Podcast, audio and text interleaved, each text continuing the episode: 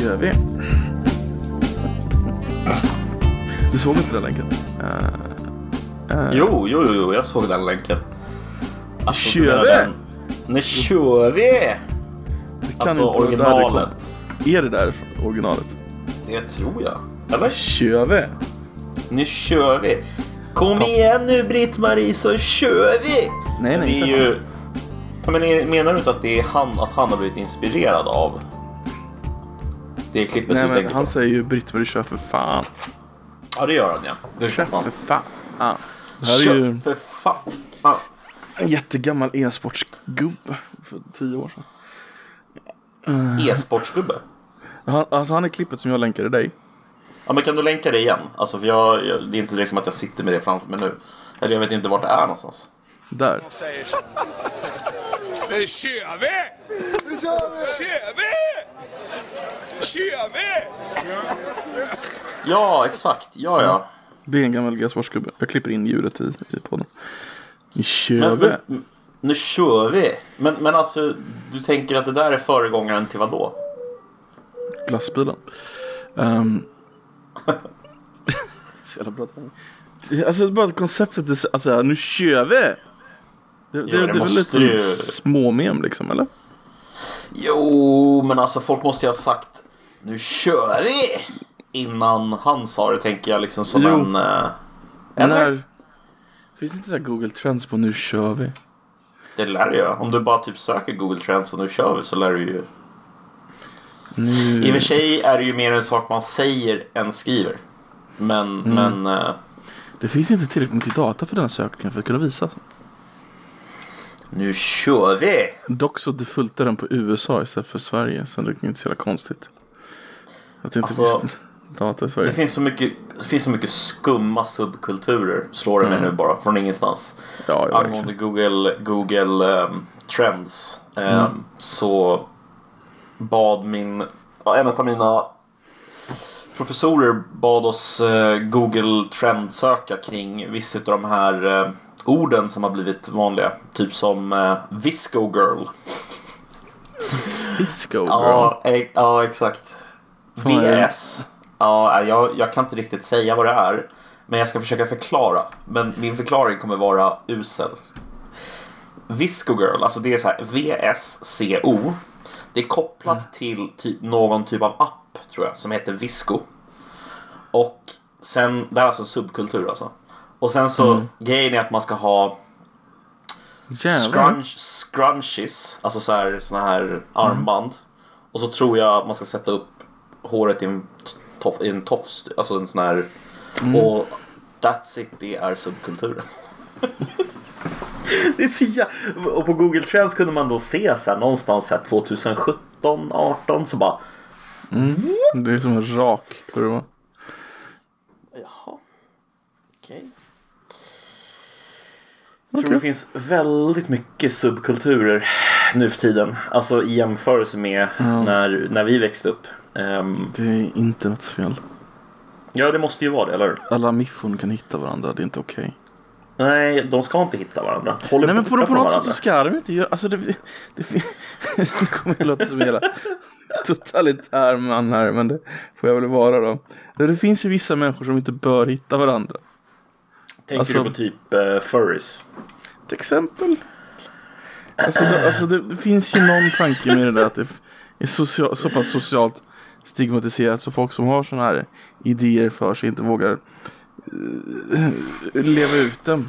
Men nu, nu, tack vare internet så hittar ju de här jävlarna varandra och nu vågar alla leva ut allting. Det finns, Ja, liksom, så är det det ju. finns ju liksom ingenting som inte är tabu längre utan allting är bara Men, det men alltså jag har inget, jag, har, du- har du verkligen problem med själva liksom den delen av det? Alltså så här att Men Eller det, ja, det, i och för sig, steget alltså, ja. mellan furries Ja. och Timothy McVeigh är inte långt. Alltså, ja, ja alltså jag, jag tycker ju också furrykulturen är så jävla konstig. Och den, verkar ju, den verkar ju överlappa med så här autism, eh, alltså olika neuropsykiatriska funktionshinder och alltså vissa parafilier också för den delen. Nästan alla verkar ju ha någon typ av alltså, homosexualitet eller eh, bisexualitet eller Inte för att det är någonting fel med det utan alltså de, det är bara en ob- observation. Det verkar vara på det sättet. Så det verkar ju vara väldigt så här avvikande från normen människor. Ehm, det får man ju ändå säga. Det, Jag, jag, ska, jag ska vara ärlig med dig att jag känner en furry. Är det så? Ja. Hur, eh, hur eh, har du någonsin frågat personen så här, vad det är som är så tilltalande med kulturen? Nej, eller alltså mer vagt. Men då blir det så här. Ja, men det är så vackert med svansar och hår och så här. Mm. De tror att de talar till de konverterade. Um, nej, jag tycker fortfarande det är sjukt weird. Trots att jag känner personen. Han kan vara okej i andra sammanhang. Men med det där så blir han så jättekonstig. Jag minns att han, Mm. han, ehm, han är nu gift för övrigt med en annan furry. Så att det, det löser ju sig. Ehm, Alltså en man eller en kvinna? en, en, han är gift med en kvinna. Ja, ah, okej. Ja. Men det där, de, de har sina fursonas. Det här är jag egentligen. Det är den jag känner att jag är inuti. Så är det en jävla hund. ja, och alltså jag menar, alltså Det jag ville säga, förlåt. Om, om, Ja. Jag visste inte hur jag skulle komma till det bara. Men det var någon gång, jag kände honom jättelänge. Så att han skulle liksom, det blev ju någon form av kom ut-process som man, alltså då ville man liksom inte, de var fördömande heller. Och det var ju aldrig någon Nej, är slags kom ut-samtal. Men det var ju liksom steg, steg, han öppna sig lite mer, lite mer, lite mer, lite mer så här. Så det var någon gång han berättade att han satt och spelade ett jättebra online-spel. Jag bara, ja vad kul, vad heter det då? Ja, det heter Furcadia online. Tycker du borde spela det också. Ja, jag fattar inte grejen. Alltså jag, fatt, jag gjorde inte kopplingen. Då. nej. Så jag laddade ner och installerade. Ja! Det här hade jag velat Vet du vad Furcadia online är? Nej, men jag kan, Det alltså jag hör ju på ordet. MMORPG för furries. Utan action. Utan allting. Så, Går runt i ja. olika världar och köper massa grejer för att se ut som din perfekta furry. Och så kan du typ eh, Antalet, när man går runt i den världen Antalet människor man hittar som går runt själva är väldigt låg. Men antalet människor som ligger i stora högar och, och bara skriver ut mm, mm Mhm. är väldigt, väldigt hög. Mhm. Det är så kallade furbiles. Det finns, med, Alltså. finns alltså med i, i en så kan man sätta sin karaktär på att ligga ner och typ, typ vibrera den på något jävla sätt. Ah, det var weird. Men alltså, det, ja, det, Då, alltså då, det här, då gjorde jag kopplingen ganska snabbt kan jag säga. Men, men, eh, Det sög förut. Jag, jag fortsatte inte att spela bara så du vet. hitta inte på när jag vet att du, har- du har en max level konto. Kanske Det fanns inte levels. levels på det sättet. Utan man kunde Levelsystemet alltså- var typ ens gear och man kunde köpa bättre gear och allt gear var liksom primärt visuellt. Ja, exakt. Det var bara design antar jag. Mm. Men, men det som jag liksom Det som jag liksom fascineras av med den där subkulturen är att de är så många ändå. Alltså de, Mm. de för mig så är de någon slags vidareutveckling av hela brony-kulturen. De här kom Alltså- mycket före. Kom de här före dem alltså? Furries innan Brony med hästlängder.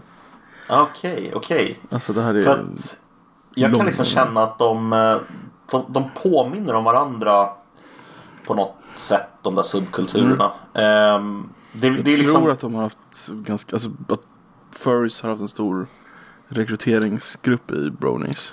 Om man skulle göra sånt här Venn-diagram så skulle man liksom se att det är mycket overlap. Kan jag tänka mig. Mellan Mm-mm. folk som gillar My Little Pony, folk som gillar Brony-kulturen. Nej, vad säger jag? Furry-kulturen och ja. Det, men, men, men, Det, men, men ja, Får jag säga det- en sak bara? Det jag inte fattar med den här kulturen. Det som jag, så, och jag behöver inte förstå det givetvis. Jag menar de får göra vad fan de vill. Det spelar mig ingen roll egentligen. Men det är så här. Jag förstår inte lockelsen överhuvudtaget i att liksom klä ut sig som, en, eh, som ett antropomorft djur. Alltså jag, jag förstår inte vad är... Nej. Liksom det är så jävla konstigt. Är det inte det? Ja men liksom man kan ju förstå så här, alltså man kan ju förstå så här liksom ja, vissa subkulturer så här, ja men de är mot systemet eller de är, alltså så här, ta punkkulturen eller ta hårdrockare eller ta Ta liksom... Men är det, eh, här, är, är det en subkultur eller- är det en fetish? Eller är det, alltså, var går gränsen mellan Ja, subkultur och exakt. Var går gränsen? Vad är skillnaden i det här fallet? Ja, det är lite det jag menar. För att om du är en punkare så går du inte bara har punksex. Utan du har ju, du är ju sex som sex liksom. Det, det har ingen implikation på ditt sexliv. Men en furry har ju en implikation på ett sexliv. Ja, fast... Alltså, du kan ju vara heterosexuell och vara furry liksom. Jo, eller? jo, men du har ju ändå, alltså det är ändå typ, Ja, jag fattar. de har ju sex i i kostymerna liksom. Det är ju det som är grejen. Alltså det är ju Ja. ett, ett visst typ av, ja. Jag har förstått att det är på det sättet. Ja, ja, GIF. Ja, mm. ja alltså de, de är svåra att förstå och svåra att känna någon slags... ehm, Sympati. ja, man känner inte så mycket sympati för dem. Alltså, det är svårt att känna sympati för dem. Har du hört talas om Rainforest Convention? mm, det har jag. Men snälla berätta för våra lyssnare som inte har det. Jag ska... Vill, jag, Ja. vill vi verkligen göra det för våra lyssnare? Vill vi ge Ja. dem den, den Ja. stora presenten? Ja. Den, den, eh, vad fan är motsatsen till present? Du kan ju säga en uh, björntjänst eller? En björn? Nej, känns det inte. Rainforest Eh. var en convention, alltså en uppsamling eh, kan man kalla det. eh, I USA för furries. eh, Som har gått och blivit legendarisk för den gick åt helvete. Eh, Innan du börjar med furries- hela... Får jag stoppa det en sekund bara? Ja, visst, visst. visst. Om man vill se den här videon där man Ja, får allt det här förklarat som Koffe kommer gå igenom nu. Så precis. Internethistorien och namnet på det han sa. För någonting. Rainforest. Forest fur. Rainforest. Eh, ja, ja, antalet furries som också har adult baby fetishen är tydligen Mm. ganska hög. Vilket gjorde att, Det är så äckligt! ja, eh, de, de hade alltså en convention, alltså en samling då på, på ett hotell. Folk flög dit och så vidare. Eh, De sket ner stället ganska bokstavligen. De hade alltså Inte bara ganska bokstavligen, bokstavligen Alltså, ja, de sket överallt. Eh, dels gör de det som furries och dels gör de det som adult babies. Och den blandningen blir ju då att de, de sket ner överallt. Och om du då följer den här videon som mycket förklarar hela händelseförloppet mycket bättre och är en timme lång. eh, så, kan, så har du liksom bevis på att folk liksom har förberett det här i veckor och typ laddat laddat laddat blöjor med eh, avföring för att ta med sig. Och har liksom resväskor fulla av sånt här. Alltså, Ehm, Ja. ja. De um, sketade ner poolen så den fick stängas. Annat. pools closed. Också en jävla gammal mem. Ja, väldigt. Det är som, kommer du ihåg vart den grundade sig? Ja, jag kommer ihåg när den grundades. i. Mm, Kan inte du köra den? det här måste vara typ 2005. Det var, det var någon eh, hemsida online som hette Habbo Hotel. Yes. Eh, där man kunde då helt enkelt skapa avatarer eh, som såg ut på olika sätt. Eh, och eh, det här var på den tiden när trollandet hade dragit igång för första, eller ja, för första gången ska man inte säga. Trollandet hade pågått länge men trollande på någon slags nästan eh, professionell nivå kanske man skulle säga. Liksom det var något som heter 4chan och deras kanal där som heter Random, eller B. De eh, kom överens om att de skulle raida det här Habbo Hotel då som det heter. Och i Habbo Hotel, det här spelet, så är det något som kallas för konflikt eller eh, om man kolliderar med en annan person så fastnar man. Man går inte rakt igenom personen i spelet utan man fastnar. Så att den här personen eh, som eh, helt enkelt drog igång det här, eller de som drog igång det här, de skapade då svarta avatarer med afro. Och sen så ställde de sig i en svastika precis vid ingången till en pool och skrek och skrev Pools closed. Ehm, ja, det det var en bra förklaring.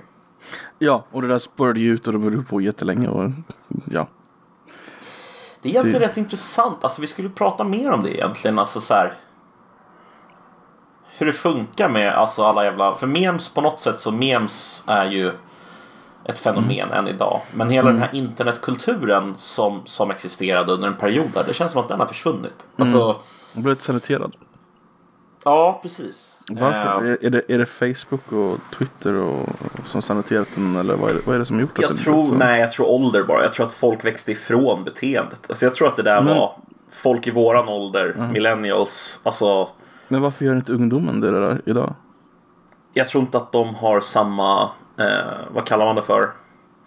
Ironiska och lite elaka humor. Sarkastiska humor. Alltså, det, det är en teori jag har, jag vet inte om, du, om du håller med, men om du tittar på den yngre generationen, alltså de som idag kallas zoomers, och även de som är bara lite äldre än zoomers, typ de kanske yngsta millennials, typ som är födda så här i mitten av 90-talet. Alltså, humorn som vi som lite äldre millennials har och jämför den med deras humor så är ju deras humor så jävla Alltså jag uppfattar deras humor som så jävla eh, snäll. Medan vi är mycket grövre. Driver mycket hårdare med varandra. Eller gjo- gjorde i alla fall. I deras ålder. Ehm, på gott och ont kanske. Jag vet inte. Deras humor är för snäll. Vilket intressant uh, take egentligen. Eller för snäll. Den, är inte, den har inte samma ironiska liksom... Alltså... Det känns som att vi är delvis den ironiska generationen på något sätt. Eller sarkastiska generationen. Eller vad man ska kalla det för. Mycket av våran humor. När jag växte upp i alla fall. Var ju sån här... Ja. Var det när, när Trump vann? Han vann ju mycket på grund av meme power. Eller de meme magic. Var det, var det liksom våran generations sista hurra i meme kanske. Världen. Kanske. Mm. Den största liksom... Vad är det de kallade det för? The Great Meme War of 2016 va? Precis. Meme War Survivor och sånt där finns det. Man köpa Ja, just det. Meme War Survivor. Alltså. Ja, jag vet inte. Jag, jag fascineras av all den där kulturen alltså. Mm. Det är den är väldigt speciell. förlorad. Ja, den har gått förlorad lite. Jag håller med. Det finns ju Ehm, någon, alltså det fanns ju... Something Alice. Awful var ju med från början. Ja, ja absolut. Alltså, jag bara tänkte på vad hade vi, hade vi i Sverige? Vi hade de här, kommer du ihåg Eurocop Radio? Kommer jag ihåg? Nej. busringningskillar som sänder på nätet. De håller på fortfarande för sig. Men de var Jaha. ganska stora där ett tag på typ 10-15 år sedan. Okej. De kommer jag inte ihåg. Däremot kommer jag ihåg... ehm, Eh, fan hette de då? Eller han snarare. Leify. Blommeros. Leify Blommeros. Leify Plommeros. Var fan Alltså, kom det ifrån? Jag vet bara att jag hade en sån jävla soundboard med Leify jag Blommeros. tror att Leify var... Alltså, inte... Alltså han gjorde det bara helt själv. Han bara tog Hassans koncept och bara körde. Och spelade in liksom. Jag tror inte han hade någon... Någon, så att säga... Ja, Koppling det, till... han hade busringar alltså. Han busringde väl bara på egen tid tror jag. Synthby. Får man göra Ska det? Söpa Alltså, det, det känns som att efter Hassan så har de säkert kommit på någon lag att får busringa. Eller får man busringa? Säkert. Jag vet inte. Kanske skulle kunna gå under någon slags eh, ofredande eller något. Men jag tror i och för sig det beror väl kanske på hur många gånger man gör det mot en person också. Mm. Alltså om du bara ringer en person en gång och sen så om du däremot börjar trakassera personen så blir det väl något annat kanske. Det vore kul att busringa. Alltså typ ha det i, i podden på något sätt. Om man kunde, Vad skulle det du... finns en sån här Discord till telefontjänst man skulle kunna använda. Det Så måste ju gå på något sätt. Bara Inte spela in det liksom. Alltså. Se vad som händer. Men vad, vad skulle du vilja ringa till då? Alltså om du bara fick spåna Ingen fritt. aning egentligen. Jag bara tänker att Systembolaget. Systembolag. Jag tror inte Systembolaget är kul att busringa. Det Alltså- tror inte jag heller spontant. Jag tror bara de säger vad de har att säga sen så är det Ja, klart. precis. Så här väldigt så här tråkigt seriöst. Så, myndig, så här myndighetsseriöst. Det Mm. enda roliga det är väl att man ringer dit och låtsas vara full och sen blir det sur för att man inte får hemkörning eller sånt där. Ja, jag vet inte vad man skulle kunna... Alltså om man skulle liksom busringa någonting. Ja men alltså det går ju alltid att hitta något att busringa till om Hovet. möjligheten. Hovet. Hovet går det tekniskt? Kolla om vi kan bli, oh, vad heter det, kunglig hovleverantör av podcasts. Kan man bli det? Det tror jag inte. Men eh, kunglig hovleverantör kan man ju bli. Det är ju Ja, värsta men kan man jävla... bli leveran- kunglig hovleverantör av tjänster eller är det bara produkter? Alltså, jag föreställer mig att typ om du tar till exempel deras hästar och sånt där som de har så måste det ju vara okej att eh, vara kunglig hovleverantör av tjänster på de djuren och sånt där, eller? Det är väl inga Men det produkter görs då? väl internt? Det är väl, alltså, Ja, det kanske görs i och för sig. Det har de nog folk för. Mm. Så det är nog inget problem. Marabou är ju Hmm. hovleverantör av chokladen. Det är ju bra. Inte Anton Berg alltså. Nej, för det är danskt. Ah. Makes sense. Fick för att Anton Berg var svensk. Det känns som att Anton Berg är lite högre kvalitet än Marabou liksom.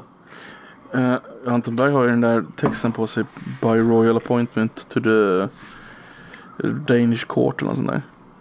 Royal Jaha. Danish court. Fy fan. Man Som grund- alltså. Sorry? Man blir ju arg alltså. Det borde ju vara, borde ju vara svenskt. Anton Berg känner på ju- svenskt. Ja, jag känner det. Det är ett Vill jävla du- svenskt namn tycker jag.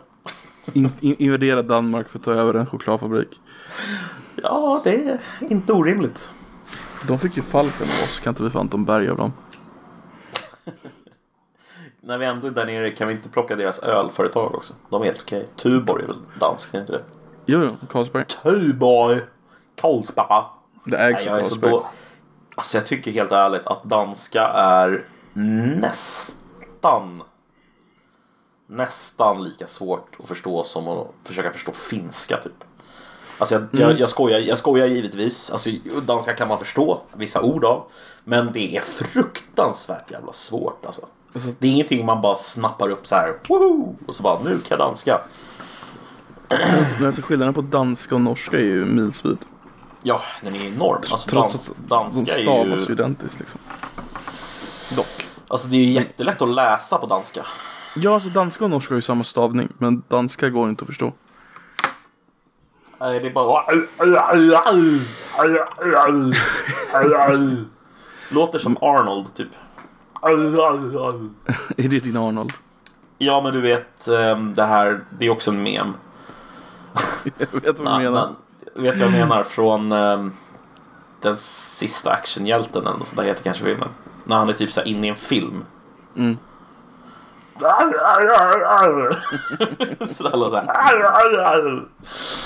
Som en dansk dan- helt enkelt. Danska är så jävla svårt att förstå. Att jag tror att typ danskarna har själva svårt att förstå andra dialekter av danska som inte är deras egen. Ja, det sägs väl också att det är ett av de få språk som tar barn längre än snitttiden att lära sig när de är små. Mm. Ehm, vilket också är rätt så här.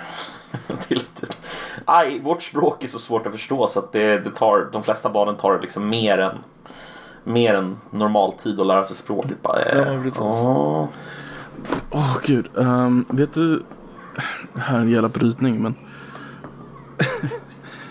Termen är ganska rolig. Vet du vad en Reichsbürger är? Alltså jag kan ju gissa, men jag kan inte säga att jag vet. Men för att gissa så säger jag ju riksburgare. Visst låter det som att du är det? Alltså så här. ja, absolut. Och så låter det jätteroligt. Reichsbürger. Ja. Ja men det låter som så här. Man drar till en jävligt schysst så här hamburger, eller ett schysst hamburgerhak i Tyskland någonstans och så bara det här är utnämnt till riksburgaren liksom. Käka den, den är god. Eh, det här är dock uh, Reichsbürgerbewegung. Alltså Reichsbürger Movement. Uh, Reichsbürger får du dela upp i två ord. Reich, rike, bürger, medborgare. Riksmedborgare. Nej, Reich-medborgare. Alltså de som, ja riks kan man säga. I och för sig, de använder det på det sättet. Det är alltså Mm. en grupp i Tyskland som inte accepterat att Tyskland förlorade andra världskriget. Eh, och anser att eh, riket, alltså innan uppdelningen, fortfarande existerar. Och de anser sig vara medborgare av riket. Gissa hur många medlemmar de har? Mm, 10 000? 19 000. Jävlar! Mhm. Det är ju ganska mycket ändå. Det är sjukt mycket och de, de ökar just nu. Som fan. Oh snap. De, hade, de ökar med ungefär De senaste åren har de ökat med ungefär 1000 pers per år. Eh, så att, och de finns, eh, de har infiltrerat polisen och sånt där. Så fin- de eh, tyska regeringen är lite rädda för dem där. Så Men de är väl rimligen nationalsocialister då antar jag? Eller? Ja, primärt. Okej. Ja, det bådar ju gott för framtiden.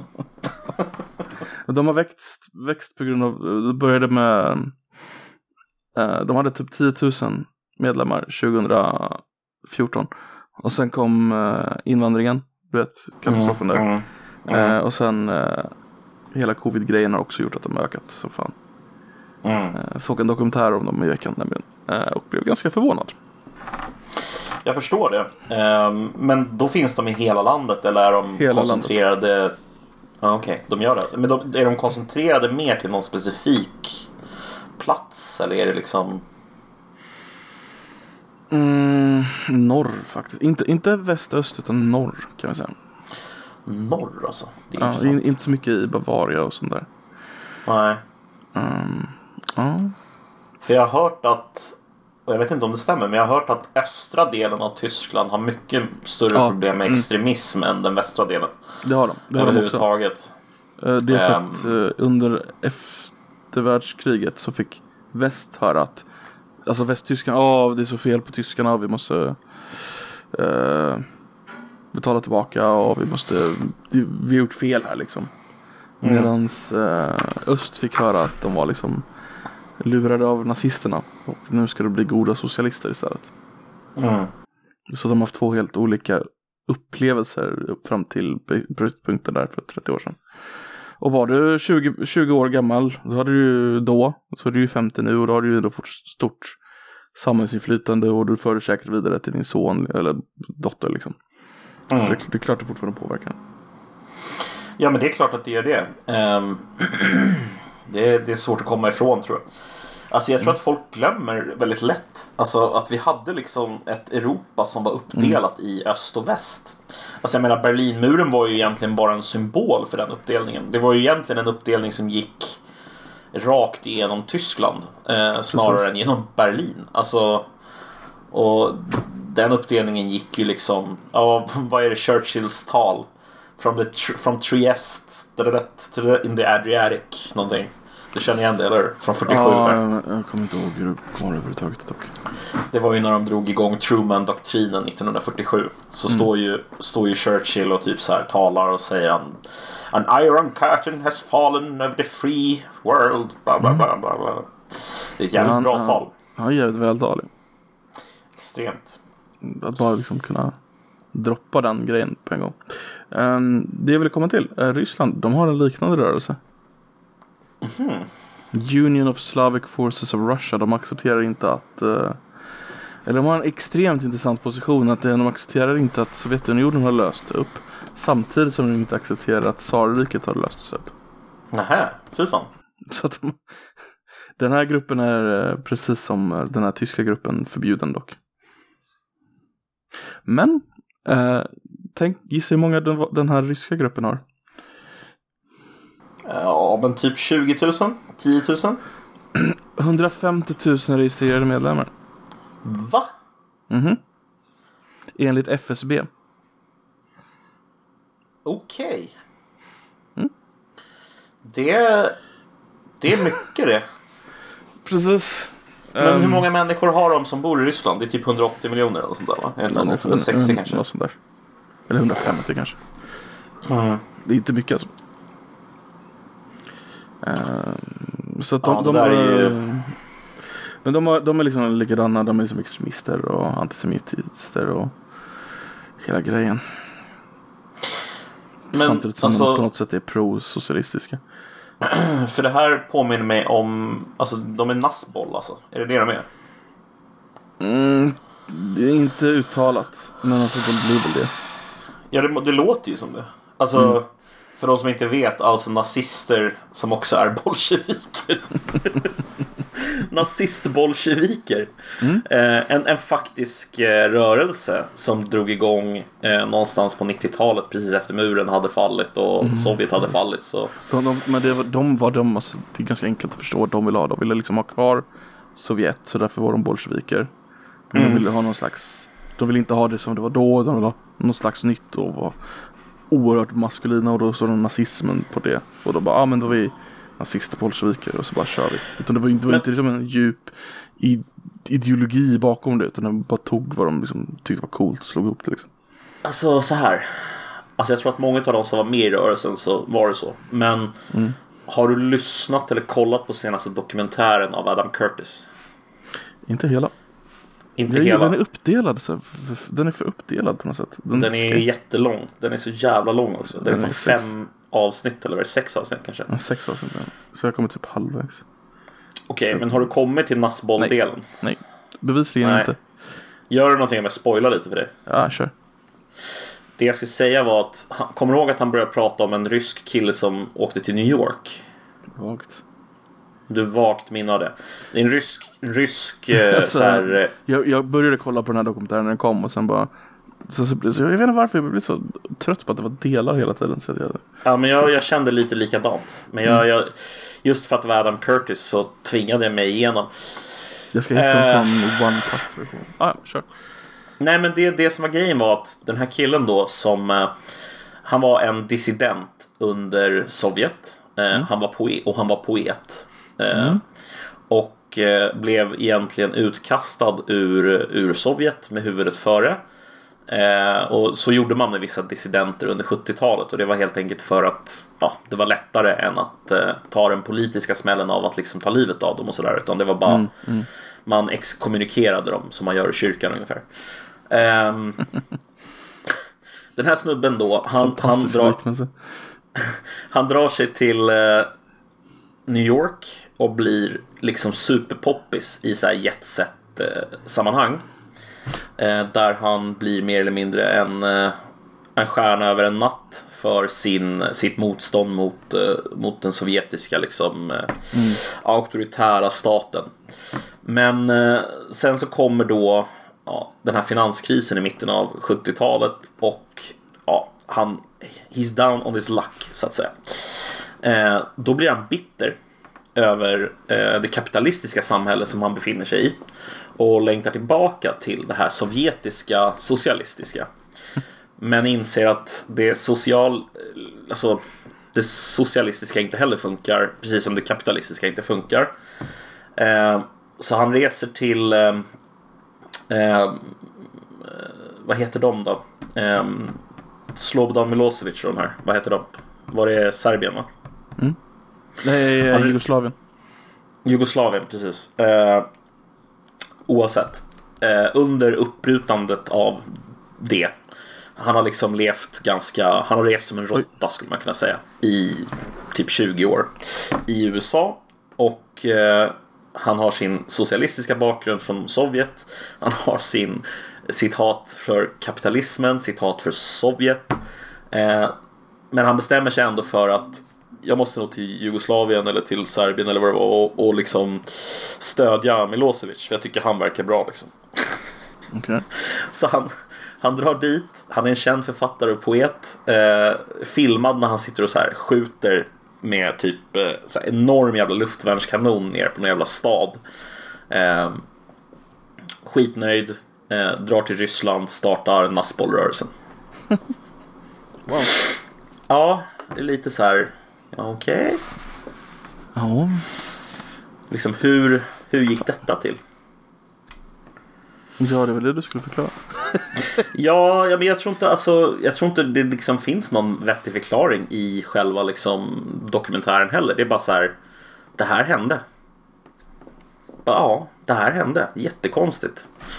Så han blev någon slags nazist-bolsjevik. Liksom. Han blev första nazist-bolsjeviken som drog igång den här rörelsen. Så att eh, han verkar ha varit ideologiskt övertygad om liksom, hur bra det var. Med nazism eh, blandat med bolsjevism. Då. Men förvisso, båda är totalitära ideologier. Så att kanske funkar. Den här eh, Union of Slavic Forces, eh, den är alltså, de, grundaren av den har tagit Mhm. grejer från Reichsburger Movement direkt av, medvetet. Och sen har lagt in antisemitiska grejer från Elders of Zion-protokollet. Ja, just det. Det som Okrana skapade. Så, ja. Har jag sagt det till dig att jag har börjat lyssna på en jätteintressant podd? Meta. Kör. Är det den här eh, Revolutions. Revolutions? Handlar, handlar om, eh, uppenbart så handlar den om revolutioner. Men nu håller de på att gå igenom den ryska revolutionen. Ehm, Nice. och det är typ 21 avsnitt in. Varje avsnitt är typ 30 minuter. Och jag tror att han har redan gjort över 60 avsnitt i den här serien. Ehm, så han går verkligen igenom så här, ja men så här, hur börjar allting liksom? Alltså ända från 1700-talets franska revolution fram Mhm. till idéerna som leder fram till det här. Det är så jävla intressant Det alltså. är han um, Mark Duncan va? Som gjorde Ja, History, jag tror det. History of Rome-podden som är typ lite lätt legendarisk. Jag tror det är han ja, precis. Mm. Eh, den, är, den borde jag för övrigt lyssna på. History of Rome-podden podden med honom. Mm, den, håller Men, jag på, den eh, håller jag på att lyssna på. Den har hållit på jättelänge. Eh, För jag lyssnar på typ ett avsnitt ibland. När man inte Mm. hittar något annat. Men den är jättebra. Skitbra. Jag kan Så tänka jag kan mig det. tänka mig att hans nya är bättre. Ja men han är, han är så jävla duktig på att berätta liksom i stora drag vad som hände idémässigt mellan de här olika grupperna. Eh, och liksom hur, eh, för jag tänker nu Nassboll, jag tänker på liksom slutet av eh, 1870-talet så var det ju liksom en reaktionär crackdown från eh, tsaren på eh, eh, på liksom alla socialister som var aktiva då. Eh, för de dödade ju eh, tsarens pappa liksom. Eh, jag vet inte, det är bara en fascinerande jävla story det där alltså. Vilket jävla, alltså är fan vad det landet Men fan vad det landet har liksom upplevt kaos på kaos på kaos. Alltså det ja. aldrig liksom Det, det finns ju en sån eh, historisk mem så här. Vill du, eh, the history of Russia. eh, in three words and then it got worse. Alltså det är ju verkligen så. Ja, När man tänker, man tänker sen när man hör så här om 1840-talet, man bara ah, leva som en eh, livegen alltså. Ah, mm, nej. Och så bara ah, vi frigör dem och så bara ja, revolution. Ja, men nu blev ni, eh, får ni leva under en totalitär diktatur istället. Ja, men vi gjorde redan det. Ja, men de här tar livet av det i ännu större grad. Så att, eh, ja. Jaha. alltså de har ju Ja. historiskt sett förhållandevis fritt just nu egentligen. Det är ändå, Ja, så faktiskt. nu, är det, nu måste ju ändå vara de bästa tiderna liksom för Ryssland. Så man förstår ju att han Ja. är populär.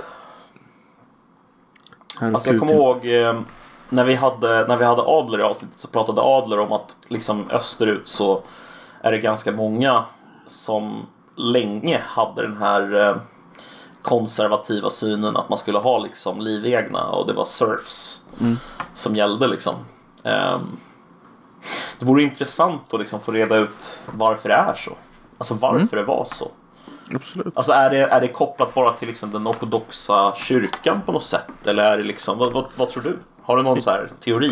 Ingen aning. Men jag, jag tänker att man får inte tänka på, på Ryssland. Alltså Ryssland är ju mellanlandet liksom. Det är ju det. Det är inte riktigt Europa, det är inte riktigt Asien liksom. Det har ju både och där liksom. Mm. Det har ju dubbelinfluens på det. Sen så är det så jävla stort. så att det behöver väl någon form av ordning. För, alltså. bara på tal om storleken liksom. Mm. Det är svårt att... Mm. Nej, det, jag, jag vet Nej, jag vet inte. Men det, det, det är nog mycket som väger in där kan jag tänka mig. Ja, det, det, jag tror att det är väldigt mycket som väger in i att det har blivit på det sättet. Men det känns Mm. som att det måste finnas någon så här övergripande ehm, Ja men det, kanske är Någon som du säger. liksom. Det, ja men jag tänker så här att alltså, på, precis- alltså Det kanske är som du säger att de hade ett mer asiatiskt produktionssätt. Mm. Ehm, eller något som var blandning mellan liksom eh, det, det västeuropeiska och det som sen blev Ja. Jag vet inte. Det är intressant där i alla fall. Ehm, Ska vi köra om, other- eh, om deras uppladdning här i på Ukrainas kant? ja, det är väl lika bra va? De Kan har inte alltså lagt in, eh, Putin har ju lagt in, lagt in, det låter jättekonstigt. skickat 150 000 trupper till eh, gränsen till Ukraina i alla fall. Mm. Jag tror personligen inte att han kommer invadera. Eh, Det tror inte jag heller. Det finns inte läge för det. Jag, jag, jag har lite svårt att se vad han skulle tjäna på det också. Det var då så han får en potentiellt då en, en varmvattenhamn eller?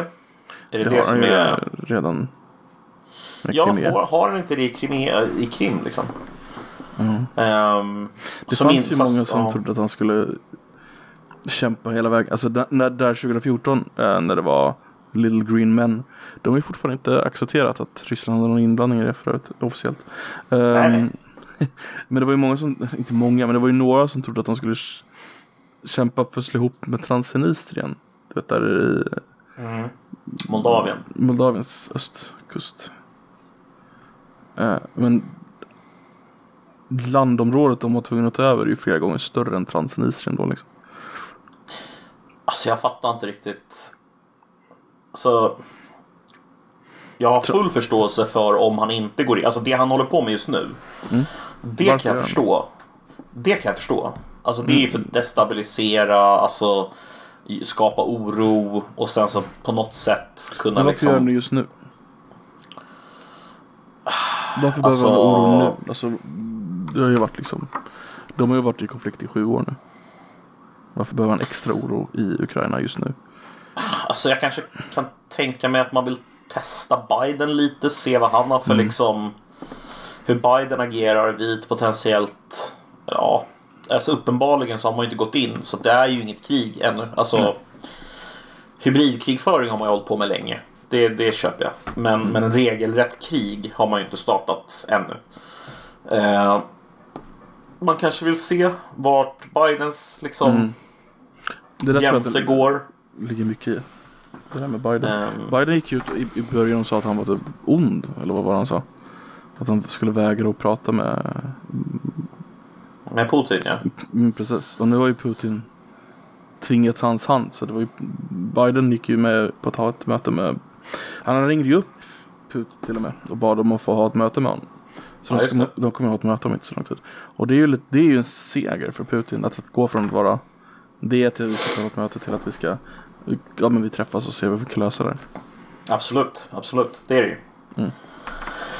Eh, men nej, jag vet inte vad man tjänar på det. Alltså, jag, jag kan inte riktigt se vad man skulle tjäna på att faktiskt gå in. Alltså, det är därför jag inte tror att man kommer gå in.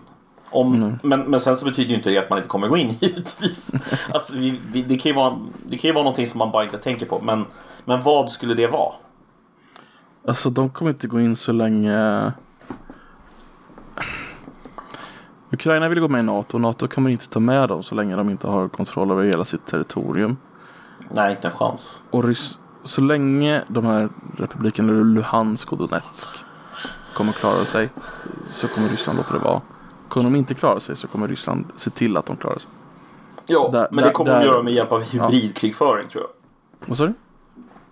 Donetsk-regionen där. Jag tror inte att Mm. de skulle gå in med liksom regelrätta styrkor under liksom, alltså rysk flagg. Utan det skulle ju bli hybrid, hybridkrigföring igen bara. Tror du inte det? Antagligen. Antagligen. Alltså kostnad, ja. kostnaden är ju så jävla stor för att gå in under egen flagg. Alltså plausible deniability. Alltså även om det är uppenbart för alla att det är ryssar. Är du med? Mm. Alltså men, men ryssarna kan ändå säga så här. Vi har inte med det här att göra. Alla vet att det är en lögn. Men de kan säga det med straight Precis. face. Precis. Så länge det är hybridkrigföring. Men går de in under egen flagg då är det så här. Okej. Vad, vad håller ni på med? Ehm, och då måste de ju ha någon typ av svar. Mm. Vad är deras casus belli liksom? De behöver ju ett. Ja, och då får de ju skapa en. Alltså för dem så är det ju att om Ukraina skulle vara nära att gå med på NATO, det skulle ju de anse vara ett casus belli. Och Ja, absolut. internationellt skulle det nog inte accepteras, men det skulle, det skulle ju räknas för dem. Ja, men man får ju inte... Ett casus belli måste... Alltså, om jag har förstått rätt så är casus belli bara en okej... Alltså det är en anledning, men du, du måste ha någon typ av aktion från den andra som är liksom offensiv. Är det inte så? Mm. Och då är frågan så här, Ja, ja, hur, offens- hur offensivt är det att gå med i en defensiv pakt? De anser inte att det var en defensiv pakt, det är det som är grejen. Nej, jag vet. Alltså det är det som är grejen. Men, men det är det diskussionen skulle handla om. Att det är inte offensivt att gå med i en defensiv pakt. Eh, och det är så här, ja men den är inte defensiv. Nej, alltså. Alltså, en, det alltså- enligt den ryska definitionen så har ju blev de ju lovade att eh, NATO inte skulle expandera öster om Mm. nuvarande Västtyskland. Så Mm. allt det anser de, alltså alla den expansionen anser de har varit aggressiv. Ja, jag vet. Jag vet. Så att man Och kan ju på Bill- det sättet förstå att de anser sig vara intryckta i ett litet hörn där. Ja, alltså, ja, alltså det, jag har full förståelse för att de, att de känner sig trängda. De har en historia av att liksom bli invaderade. Eh, Även om de har klarat sig. Det är liksom både Napoleon och det är Hitler. Och Sverige. Eh, och det, ja, och Sverige. Sant. Även Sverige kom och- till Moskva. Ja, jag vet. Eh, eller Men Sankt det gick lika bra för oss som alla andra. Men vi gjorde det. Det är lite kul. Får vi inte Ja, det är lite kul. det får vi inte glömma. Nej, men och alla gånger de har klarat sig så har de klarat sig på grund av att de hade en jävla massa landutrymme i vägen emellan. Liksom. Ja, exakt. Så det är inte så konstigt att de vill ha mer landutrymme. Nej, och de vill ju ha buffertar. Eh, Och det är, Ukraina funkar ju som en buffert. Polen skulle kunna funka som en buffert. Och alltså även eh, Ungern och ja, så vidare. Hela egentligen Östeuropa. Ja, precis. Men, eh, men eh,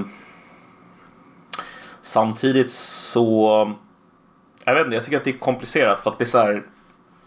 Alltså jag, jag är ju när jag tänker på så här eh, internationella relationer och sånt där. För det är det vi pratar om. Så, så är ju jag någon slags, jag, om jag skulle liksom tillhöra någon skola där så skulle jag ju säga att jag är realist. Eh, det vill säga Tysk alltså. Nej, realisterna menar ju på i det här fallet då till skillnad från till exempel Liberalerna och nu är det inom internationella relationer, inte politik alltså. Ja, okej. Realisterna menar ju att nationsstaternas intressen är det som i slutändan styr de andra sakerna. Medan då liberala inställningen till ehm, internationella relationer är ju mer att så här, ja, de har en jättestor påverkan men en ännu större påverkan är nog egentligen ehm, eh, vad heter de då? Eh, mellanstatliga och överstatliga organisationer. De skulle liksom vara mer viktiga, tänker de här människorna då. Ehm, Ja. Ja, jag tycker att det är naivt personligen. Eh, nästintill dumt. Jag vet inte hur du, hur du, hur du upplever det. De, de tänker så här att ja, men FN, Jag är en tror att vissa stater skapar mellanstatliga institutioner för att utöka extra tyngd via de institutionerna. det tror jag med. Men jag tror inte att det är de institutionerna som styrs. Utan det är mer ett maktmedel för vissa stater. Ja. Precis. Det är vad jag tror. För de flesta sådana institutioner styrs ändå av en eller några få länder. Ehm, Men, men, men problemet är liksom att på något sätt avgöra då, är det på det sättet eller är det är det egentligen så att de här mellanstatliga organisationerna faktiskt spelar en jättestor roll? Det kan ju vara så också, är du med? Måste ju inte vara Måste ju inte de vara så roll att liksom... absolut. Alltså de spelar ju. Jo, men, men eh, ta till Men exempel eh, den, kanske den primära. vad heter den? Eh, Rätt, tribunalen i Haag. Eh, Mm. rätts, heter det rättstribunalen? Uh, internationella Domstolen kanske bara. domstolen. Internationella domstolen i Haag kanske bara heter. Mänskliga rättigheter eller någonting. Alltså den, den anses ju liksom ha liksom någon slags övergripande syn på... Mm, men, men så här, den har, den har tagit massa weirda i Jugoslavien primärt. Mm. Eh, I det kriget där. Och det var, då är det ju för att USA ville det. Efter att de ja, tagit vissa serber. Och sen så har den bara för att ha någon form av legitimitet och försökt ta några i, i Kongo typ tror jag också. Men de, Ja. de har liksom aldrig försökt sätta dit typ Bush eller något sådär liksom. Eller någon, Ja, alltså det- i, någon i Irakkriget. Och det De har väl... finns folk i Irakkriget som skulle kunna sättas dit. Men har de inte försökt med... Har de inte försökt med eh, att försöka sätta dit eh, USA genom att typ plocka deras... ehm, plocka deras militärer på något sätt. Och USA... Det var därför som USA aldrig skrev under den här... Eh, deklarationen om någonting, inte om mänskliga rättigheter utan någon annan deklaration. Som jag inte kommer ihåg namnet på nu bara för det. Ehm, känner du igen det här? Nej, sorry. Nej, jag har för mig att det är så i alla fall att USA vägrade skriva under ett avtal just för att ifall de skrev under det så skulle de i teorin li- lyda under eh, någon av de här då överstatliga organisationerna. Men det går ju alltså en, ett land som USA kan inte lyda under en sån. Alltså är du med? Alltså de är suveräna på ett helt annat sätt än vad vi är. I teorin är vi också lika suveräna men vi är ju inte det. Nej, precis. Jag kollar upp det där, precis. Eh, Internationella Criminal Court i Haag. Eh, USA skrev under men drog sig tillbaka. Så var det. Precis. Samma sak med Ryssland. De ska också under men drog sig tillbaka. Ja. Men sen, sen Nej. så har vi Kina som var lite smartare och aldrig skrev under. Ja men det är så roligt för att det blir så här, alltså man vill låtsas. Alltså när man pratar på FN-nivå så vill man låtsas att liksom Ja men alla länder är ju suveräna. Och därför så har ju alla länder Alltså de är ju jämställda med varandra. Mm. Men det är ju så uppenbart inte så. Alltså det är så Jag uppenbart måste bara fråga dig för det här är jätteroligt. Två länder i Europa har inte skrivit under. Ryssland skrev under men hoppar ut. Eh, internationella Criminal Court. Vilka länder i Europa tror du inte har skrivit under? Aldrig Pratar vi om, alltså pratar vi om hela Europa nu? Ja. Eh, räknar du in Turkiet i Europa? Eh, nej. Nej, okej. Jag tror att... Eh, det här blir svårt alltså. Men typ... Eh, Kör något bara. kan Polen kanske? Inte Polen har, skrivit, Polen har skrivit under. De har grannen som inte Hmm. gjort det. Vadå, Tyskland? Vitryssland. Ja, Vitryssland ligger i Europa. Helvete, det tänkte jag inte på. De är ett självklart val ju. Och sen finns det en till Eh. som är jätterolig. Albanien? Påvestaten. Ja, okej. Påvestaten. Mm. Där kan vi snacka suveräna alltså. Jävlar. De är asroliga. De har ju inte accepterat uh, kommunistkina än heller. Men alltså, Det är fantastiskt. Utrikespolitik. Ja, fan jag skulle vilja bara gå, gå runt in i påvestaten. Det känns inte som att man är speciellt välkommen. Men jag skulle vilja gå runt där inne och så här titta runt lite. Det finns Titta folk bor. alltså Påvestaten är lite större än folk tror. Inte mycket större men det finns några kvarter eh, som du faktiskt, alltså som, fort, alltså, som är stad som du faktiskt kan gå i. Sen är själva Vatikanen innan, alltså ja. Men vadå, alltså man kommer inte in i den riktiga staden liksom. Men man kommer in i någon slags... Ja men alltså den ligger ju mitt i Rom. Mm, precis. Och så Rom är ju en massa sta- stad och sen så har vi det här som man tänker på som riktiga påvestaten. Men precis innan det så har du liksom litet kvarter. Som är vanligt i alla Mm. kvarter. Och det ligger på faktiskt tekniskt sett i påvestaten. Som, som du kan gå runt liksom. Det finns ett litet apotek och butik och sådär. Och pizzeria och whatever liksom. Jaha. Det är tekniskt sett Det vore, det vore ju intressant att få se live någon gång. Överhuvudtaget så vore det intressant att eh, få åka till Rom kan jag känna. Jag har Ja, inte varit i Rom faktiskt. Det var en grej med Ryssland jag ville säga. eh, innan vi tar Rom. Eh, har du Ja. hört talas om deras nya Poseidon-raket? Mm, nej. Det är det nordländskaste vapnet som finns. Mm, den är nyutvecklad. Eh, Det är alltså en eh, i princip en gigantisk, en stor missil som är självgående som har ett kärnkraftverk på sig för att kunna gå fritt. Och den kan leverera upp till 100 megaton eh, spets. Tanken Okej. med den är inte att den ska bomba en stad utan den ska explodera i havet utanför staden skapar en tsunami som dränker staden i radioaktiv vatten. Så en sån här kan i princip ödelägga hela USAs östkust. Med en Okej. gigantisk radioaktiv tsunami. Eh, Och den är byggd och den finns och de har testat den. Eh, inte med 100 megaton dock, men de har testat den. ja. Ja, nu när du säger det så hörde jag lite om det här. Eh, och jag vet att det var snack om så här, ja men kan man verkligen skapa en tsunami med 100 megaton och bla bla bla bla bla. Och är det inte mer sannolikt att den bara är till för att liksom förstöra hamnar typ? Kommer jag ihåg att diskussionen var om det där. Ehm, jag har ingen aning. 100 megaton är mycket alltså. Det är jättemycket. 100 megaton dödar New York. Ja, alltså hela New York alltså. Ja. det är liksom Alltså, om 100 du- megaton är... åker in med den alltså, i Ground Zero så får du en krater på, som är 430 meter djup alltså det är så vansinnigt. eh, och en kilometer bred. Shit alltså. Um, det, Det är typ hela Manhattan är ju typ alltså så här. Alltså där är ingenting kvar liksom. Där, där är ju bara så här. Nej. Det är ground zero liksom. Hela Manhattan typ. Om inte mer. Ja.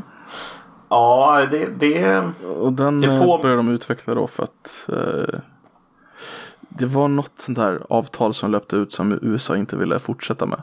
Så började, ja men då gör vi det här då. Ja just det, det var, jag vet precis. Det var eh, det här kärnvapenavtalet. Som Ja, SALT något. 2, SALT 2 tror jag den heter. Det låter rimligt. Ehm, Ja. men alltså då, vi har ju pratat om det här förut tror jag, men du vet att amerikanerna var ju på väg att bygga något som heter SLAM. ja, just det. Det är typ samma idé ju. Den skulle ju drivas av, ett kärn, av en kärnkraftsreaktor. Och sen så skulle den flyga på så låg höjd att, eh, vad heter det, själva liksom ljud... eh, När den bryter ljudvallen eller vad man ska säga. Skulle det spräcka ör, öronen på folk typ överallt där den drog förbi. Och sen så skulle den släppa kärnvapen efter sig. Eh, plus massor med radioaktivitet. Så skulle den ha typ så här, den skulle ha typ så här en färdig loop som den skulle göra inne i Sovjet. Så den skulle bara göra en loop inne i Sovjet om och om igen tills den liksom antingen blev nedskjuten, hade släppt alla sina kärnvapen eller energin tog slut. Men det var en kärnkraftsreaktor så den kunde köra liksom länge. Eh, Men det var någon som satte stopp för det när de insåg att så här, nej men vänta, det kanske inte är en bra idé. Den var ju, ja den här är i och för sig också självgående. Ehm, Ja men det är ja. det som är problemet. Det är så här, ja, men upptrappningen. För att bli, det blir så här. Ja men säg att Ryssland har byggt den där nu. Mm, de de har har byggt den. flera. Ja de har byggt flera. Svaret kommer ju bli att USA måste bygga ett vapen av samma Ja. potens. Alltså samma potens liksom. Eller samma Precis. skala. Eh, och så har du bara en liksom. Ja det trappas upp lite till bara. Det är liksom. Det är ju inte direkt som att USA kommer bara, ja men okej, ni får vara ensamma med det mest grö- grövsta vapnet som existerar. Utan de säger ju bara så, ja men då ska vi också ha ett liksom. Precis. Så härligt. Bra. 2021 kan bli ett bra år känner jag. Ja, verkligen. Äh, det går ju åt helvete med hela skiten. Ja, eller alltså så här. Det känns, det känns som att de småskaliga konflikterna ökar. Eh, när man tittar tillbaka så säger folk så här, nej men det var värre förr och bla bla bla. Men det känns som att Alltså det där är lite så här. Vad hette han den jävla professorn som var så jävla positiv hela tiden? Som dog i cancer. Ehm, Jaha, han eh, svensken. Mm. Rosberg eller något sånt där va? mm. Hans precis. Rosling? Hans Rosling. Hans projekt där, Mind Gap. Ja, Där han, där han bara står och presenterar hur mycket bättre allting har blivit. just Alltså det där är ju Så så här, de måste kolla på bollarna och så går de, går de ner och så går de upp, upp, upp, upp, upp. Allting går de upp, upp, upp. Exakt. och Jävlar. så här, alltså jag vet inte fan alltså. Jag, även om jag köper att liksom så här i Alltså nominellt så har liksom värdet gått upp. Folk har lever längre. Folk har bättre tillgång till mat. Folk har bättre tillgång till energi. Allt sånt där är jättepositivt. Men jag vet inte om det leder till en mer stabil värld i det här Nej. fallet. Alltså det är så här. eh, Jag vet inte. Världen känns mer instabil idag än vad den definitivt än vad den gjorde under till exempel kalla kriget. Ehm, Mm. Men ja. jag vet inte. Det finns för många aktörer i dem. Ja, det är många, många kockar. Får vara med och... Men vi, vi har ju liksom Syrien som ett jävla, vad heter det? Uh, sekundärkrig, nej vad heter det? Bulvankrig höll jag på att säga. Bulvan, eh, ja men ja du menar Ja. eh, som en eh, i Mellanöstern där mellan egentligen Iran och eh, Saudiarabien. Proxykrig. Det är väl Jemen i och för sig i så fall. Det är väl både Jemen och egentligen Syrien också. Syrien Alltså- är ju lite stormakten också. U- USA och. Ryssland har ju sina kort invägda där. Men det är väl en blandning egentligen av så här stormakternas inblandning, alltså Sovjet eller vad säger Ryssland på Ryssland och Syriens Iran sida. Och så USA och Afga- eh, Saudiarabien. Men man får ju inte glömma den religiösa aspekten heller. Alltså den Nej. spelar ju in också. Alltså det är ju sunni mot shia liksom. Det är ju Precis. age old. Age old. Eh, Oh, hörde du att USA ska ut ur Afghanistan på riktigt nu? Ja, jag hörde att Biden Eh, sa det. Al-Qaida gick ut med en kommitté, eller kommuniké om att de har äntligen vunnit. Typ dagen ju efter. Al-Qaida det? Inte talibanerna då? Jo, ta, ta, talibanerna menar jag såklart. Ja, nej, jag bara undrar för att Al-Qaida skulle mycket väl kunna ha gjort någonting också. Men Nej men det var talibanerna. för jag, jag hörde att talibanerna skulle invadera Kabul i alla fall. Alltså inte nu utan de har sagt Nej. att när, när amerikanerna drar så Ja, det, det vore ju vi. dumt att göra det nu. Det vore rätt korkat att göra det nu faktiskt. Istället bara vänta tills de Ehm. får den liksom. Men jag, jag, alltså jag vet inte, jag undrar lite så här. Alltså, kommer man verkligen dra sig ur? Jag tror inte det. Utan man kommer, man kommer skicka hem trupper men det kommer finnas massor med så specialstyrkor kvar. Alltså som Du tror det?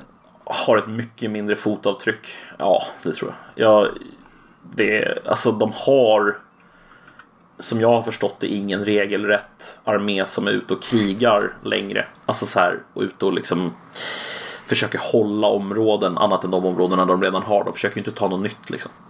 Eh, och det verkar som att det de gör det är att de tillsammans med ehm, Det här läste jag i The Intercept tror jag. Eh, Glenn Greenwald som skrev om, tror jag, eller om det var Scahill. Det var Scahill var det. Eh, som skrev om det här och det var att vad de har gjort är att de har skapat en elitstyrka inne i Afghanistan som är afghaner då. Eh, Okej. Och när jag säger elitstyrka så menar jag en riktig elitstyrka, inte en eh, inte den här typen som fanns i Irak som var så här en elitstyrka men sen i verkligheten så var det liksom ett gäng snubbar som bara satte på varandra och knarkade liksom. eh, för det var vad det var där. Eh, men i det här fallet så verkar det som att vad de gör är att de drar runt. De har såna amerikanska typ gröna, alltså green berets. Som agerar som någon slags instruktörer och typ även som eh, deras eh, ja, de, de, de bidrar med sin tekniska liksom, expertis och kan ge dem liksom, eh, kartor och eh, intelligensrapporter och sådär. Men sen så är det själva liksom, de afghanerna som själva går ut och eh, eh, liksom, eh, attackerar eh, och försöker döda talibaner. Eh, och då har det visat sig att de har gjort attacker även på eh, såna här eh, madrassas i, över hela Afghanistan då. Så att de har ju någon slags ja, insamlingsfunktion via NSA typ. Så de samlar in massor med information. Så vet de att så här, ja, men de här tre grabbarna som är 16 år. De är i riskzonen eller är med i Al-Qaida eller på väg att gå med i talibanerna eller whatever. Och sen så bara åker de dit, skjuter ihjäl typ de tre och sen drar de därifrån bara. Kommer i så här mörka helikoptrar och bara Wow. så. Så att... ehm, Fy fan vad mörkt egentligen. mm, Vi tror att du kan gå med i det här eh, nätverket vi inte gillar så att vi dödar dig nu. Ja. Det är, det är mörkt. Det finns ju till och med ett, ett alltså kanske mörkare knep. Och det är ju att man, man vet ju vilka som är i riskzonen. Och för att liksom de inte ska så att säga smälla på fel ställe. Ja. Så provocerar man ju medvetet fram en eh, liksom eh, Oh, jag förstår. det vill säga man vet så här, men okej, den här personen är potentiell. Så då skapar man liksom en, en situation där den personen får det perfekta läget att slå till. Och när den personen då bestämmer sig för att slå till så plockar man dem liksom. Eller dödar dem eller whatever. Eh, det där är man extremt duktig på faktiskt. Herregud. eh, det är Påminner mig om att- eh, vad England och Frankrike gjorde i Syrien när de hade sina specialtrupper där. De hade en lång lista på vilka som var deras medborgare som var med i ISIS. Och så hade de specialtrupper bara. Er enda uppgift är att skjuta de här. Så inte de Ja. kommer tillbaka. Jag har hört att eh, det finns vissa kopplingar med, eh, alltså så här, det här är bara, det här är ett rykte, det här är ingenting som jag vet, men jag har hört att det, det ska finnas eh, exempel på där de här även har dödat svenskar just för att vi typ mer eller mindre sa så här, ja de här ska dö, lös det. Och de bara, det är inga problem. De är på listan. Fan vad trevliga Ehm. vänner vi har. Ja, jag vet inte om det stämmer. Alltså- Eh, det kan mycket väl vara bara en... Eh, Nej, men alltså, kan bara det vara snack ju också. liksom- Det borde ju ha kostat oss någonting att de gjorde det åt oss. Det har det säkert gjort. Vi ligger ju väldigt nära Ryssland. Ja, just det. Det är Vi ska ju någonting vi har få bytt. eh, ryska vaccinet nu, hörde du det? Ja, jag hörde det. Eh, nu, nu blir vi ryssar på riktigt. Nu är det Sputnik 5 som gäller alltså. Det lär, jag tror man kommer lära sig ryska om man drar, tar den tillräckligt många gånger. Ingår i vaccinet. Ja, det är inte omöjligt. Ehm, nej, men det... Ja, vi får väl se vad som händer. Världen eh, går framåt. Eh, Ja, framåt är en intressant definition. Tiden går framåt i alla fall. Världen går runt. tiden. Exakt. vi får hoppas på det bästa i, i Ukraina. Men vi, vem vet, nästa vecka kanske vi pratar om invasionen av Ukraina och bara så här, mm, ja, ja, det var intressant det tänker här. inte vi Sverige vågar göra någonting bara för vi måste ha det här ryska vaccinet. Oh snap alltså. Fast i och för sig, vad skulle vi göra? Hade du tänkt? Annat än att bara fördöma det. Jaha. Du, Gör inte så här! Men sluta då! Lägg av! Mm. Sluta då! Men kom igen då, Skyrra! Sluta! Skyrra. Kom igen. Skyrra. Så taskigt alltså. Sluta skjuta. Nej, det är, jag tror inte att vi... Ibland så tror jag att Sverige överskattar sin roll alltså i internationella relationer. Alltså Sverige tror ju att de är, alltså att, vi, att folk liksom Ja, bara, vi- wow nu ska Sverige säga vad de tycker om det här, då är det viktigt. Det är som, Ja, alltså världens ingen moraliska på Norge. samvete Liksom. liksom. Alltså inget illa mot Norge men liksom det var ju samma internationella kredibilitet typ. Jag skulle vilja säga att, jag skulle vilja säga att alltså, vi, vi har möjligen en, en röst som hörs när det kommer till så här, eh, vissa frågor just för att vi har en historia av att så här, bry oss om till exempel ja, men du vet, så här, fattiga och bla bla bla. Mm. Och jag tänker så här typ Palmes liksom eh, Palmes Eh, sant. Pal- Palmes legacy liksom. Men, men, men jag tänker att den legacyn finns inte riktigt längre på det sättet. Idag är det någon slags så här, Ja men det är någon slags liksom eh, Alltså det var så uppenbart realpolitiskt av Palme att göra det där. För att han visste ju liksom att han behövde USAs vapenindustri samtidigt. Så han försökte ju hålla sig liksom Ja, han, ju, han, han ville hålla sig vän med alla ungefär. Eh, men eh, liksom Sverige av idag, alltså vi sitter ju i knät på USA. Alltså Ja. till 100 procent nästan. Så det är liksom Ja, jag vet inte, det blir så löjligt när vi ska liksom låtsas vara en jävla så neutralt alibi och bara säga ja, kriga inte, krig är dåligt. Bara, mm, ja. Kan inte ni i Sverige bara hålla käften? Nej, det blir, det blir bara töntigt faktiskt. Faktiskt. Så. Tyvärr.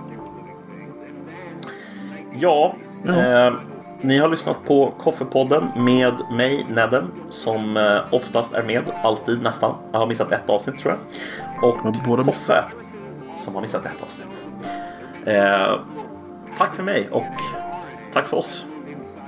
Ha det gött. Hej. Hej hej!